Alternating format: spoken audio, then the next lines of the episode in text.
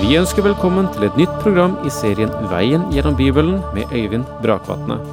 Denne studieserien er produsert av P7 Kristen Riksradio og bygger på serien Through the Bible av Vernon McGee. I dag fortsetter vi med Peters første brev.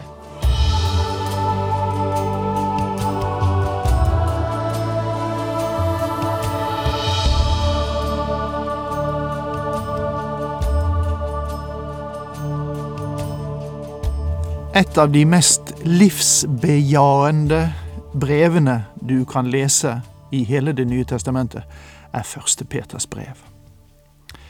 Og det som gjør så sterkt inntrykk på meg, det er at dette ja til livet, det er eh, knyttet til lidelse.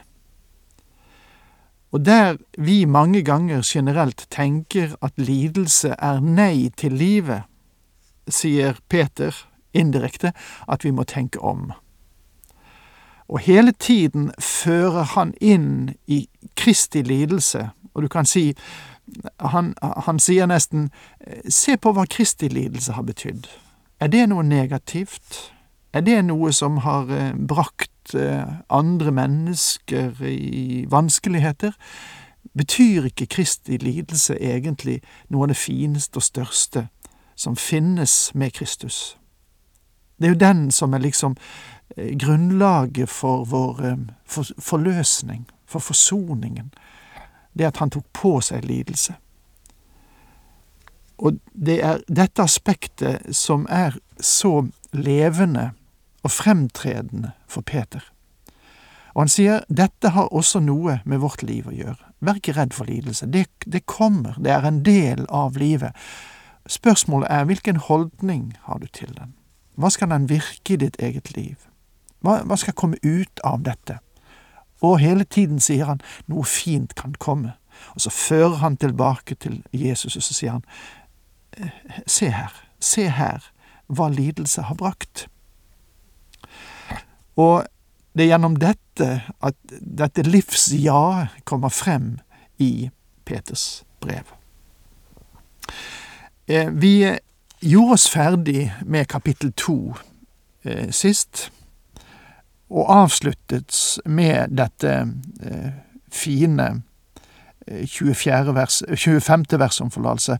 Dere var som bortkomne sauer, men har nå vendt om til ham som er hyrde og tilsynsmann for deres sjeler. Det er en omvendelse, det også, som gir oss den beskyttelse og omsorg som ethvert får, altså enhver sau som man sammenligner med her, kan forvente av en ansvarlig hyrde. Her er ingen betydningsfulle og betydningsløse får eller sauer. Alle inndelinger i dette verset tas bort, og enhver av oss finner hyrden og tilsynsmannen verdt å ta vare på. Så om du eh, skulle kjenne deg noe nedfor denne dagen, at du ikke betyr noe, så tenk blant annet på dette avslutningsverset i, i kapittel to her i Første Peters brev.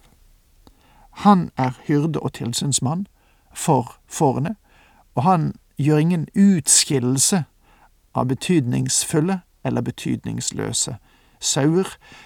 Han har plass og tid for alle.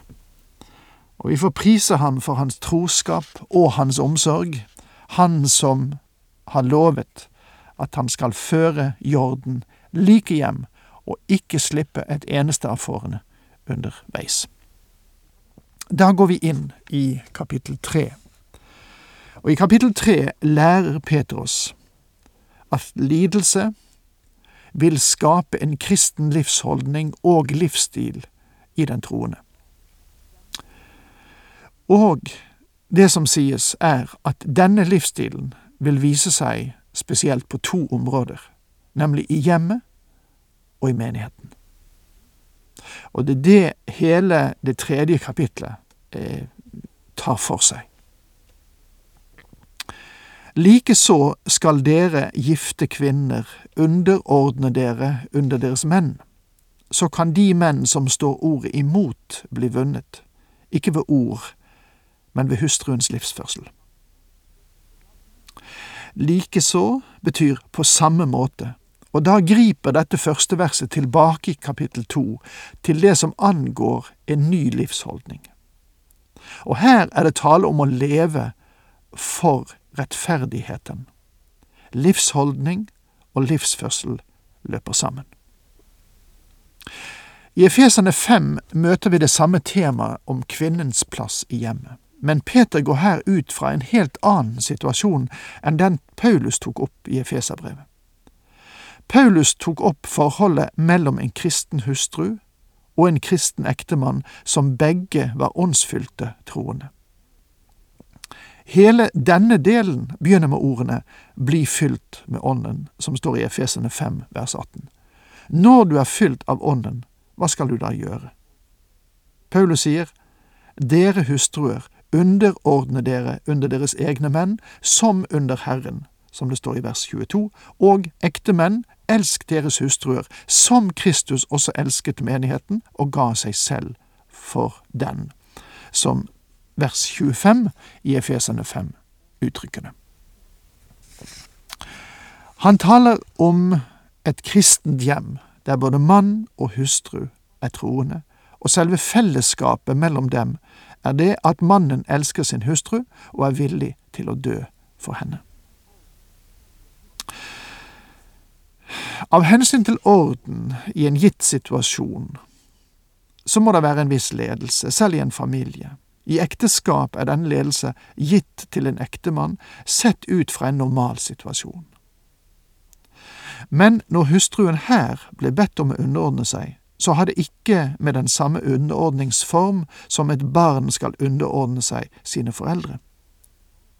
Det finnes dessverre en del menn som når de gifter seg, tror at hustruen deres skal være som et første barn, at hun skal lyde ham som et barn skal lyde. Det er ikke sant i det hele tatt.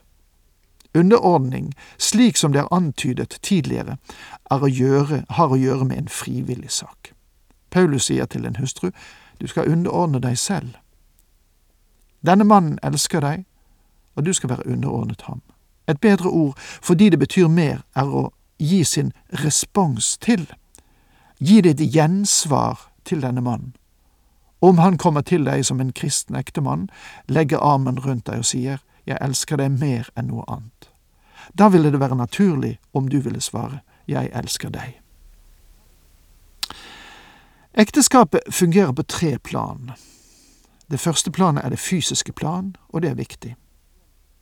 Det er det verden snakker om mest om, det seksuelle fellesskap. Og det er vidunderlig når dette fungerer harmonisk i et ekteskap. Mellom to troende kan også den seksuelle siden bli både vakker, vidunderlig og meget dyrebar. Og som troende får vi lov til å glede oss over det fysiske fellesskapet fullt og helt. Og det er ikke noen tvil om at også den fysiske relasjonen er vidunderlig og viktig. Det andre plan i ekteskapet er det mentale eller psykologiske fellesskap, som også er meget viktig. Det er hyggelig når en mann og en kone gleder seg over de samme ting. Så ofte skjer det i ekteskapet at hver av ektefellene dyrker sine egne interesser, og prøver heller ikke å forstå den andres behov og interesser. Og det skaper ikke et sunt fellesskap. Romslighet og imøtekommenhet er viktige ord på det mentale plan. Det tredje planet i ekteskapet har å gjøre med det åndelige fellesskap, og det har å gjøre med ekteskapet mellom to troende. Når problemer og vanskeligheter og sorg og lidelse kommer, burde ektefellene være i stand til å knele ned, komme til Gud i bønn og møtes om Guds ord. Du kan bryte de to andre kordeler, men en tretvinnet tråd kan ikke så lett slites av, står det hos Forkynneren i kapittel fire, vers tolv. Ja, vi som er eldre, vi forstår vel nå at Forkynneren er det samme som Predikeren. Når du får leve harmonisk på alle tre plan, så har du et vidunderlig ekteskap. De første to trådene kan brytes, men om den tredje holder, så vil også ekteskapet holde. Men når den tredje brytes sammen med de to andre, da er ekteskapet lagt i ruiner, mine venner. Og som det smerter meg at så mange lider sammen, i stedet for at de skulle leve sammen. Så langt har vi drøftet ekteskap mellom to troende. Men sett nå at en kvinne er gift med en mann som ikke er en kristen. Man kan jo drøfte hvorvidt de i utgangspunktet burde ha giftet seg med hverandre, om situasjonen var slik før de giftet seg. Skriften stiller seg svært reservert til ekteskap mellom en troende og en ikke-troende. Og i femte Mosebok leser vi Du skal ikke pløye med okse og esel sammen, som det står i kapittel 22 vers 10. Det er mange slike forhold knyttet sammen i dag, og i mange tilfeller er det et stort mistak. Men, men, det er den situasjonen man lever under. Og i dette avsnittet her i Første Peters brev har vi denne uheldige kombinasjonen der en frelst kvinne er knyttet til en ufrelst mann. Det synes klart her at kvinnen ble en kristen etter at de hadde gift seg. Skal hun endre seg etter omvendelse og bli en slags eh, kvinnelig predikant i hjemmet for å kunne forelese for sin ektemake og presentere evangeliet for ham? Nei, hun skal fortsette i samme stilling som tidligere og underordne seg ham. Dette er et frivillig forhold, ingen kommando. Kvinnen skal fortsette i sitt fellesskap med den ufrelste ektemannen og la ham fremdeles være hodet for familieenheten.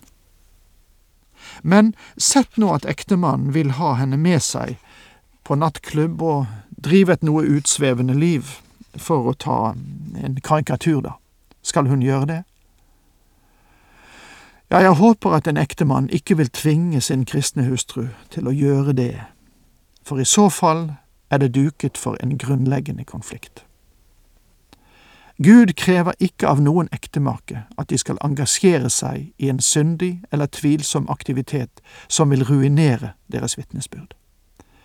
En kristen hustru må leve varsomt og med stor omtanke sammen med en ufrelst ektemann. Og da er det ikke sikkert at for mye prating gjør det minste godt. Så kan de menn som står ordet imot, bli vunnet, ikke ved ord, men ved hustruens livsførsel. Med andre ord skal hun forkynne en ordløs preken ved sitt gode kristenliv som leves for hans øyne. Og det har ingenting i verden å gjøre med å underordne seg under ham. Og så går Peter videre i dette tredje kapittelet. Når de ser hvordan de lever i renhet og gudsfrykt. Peter sier at din ektemann vil legge merke til at du nå har forandret deg og ønsker å leve et rent liv for Gud, og at du ikke lenger ønsker å fylle din tilværelse med det som hører verden til. Og det er det vitnesbyrdet du kan gi ham. Og med det må vi si takk for nå, Herren med deg.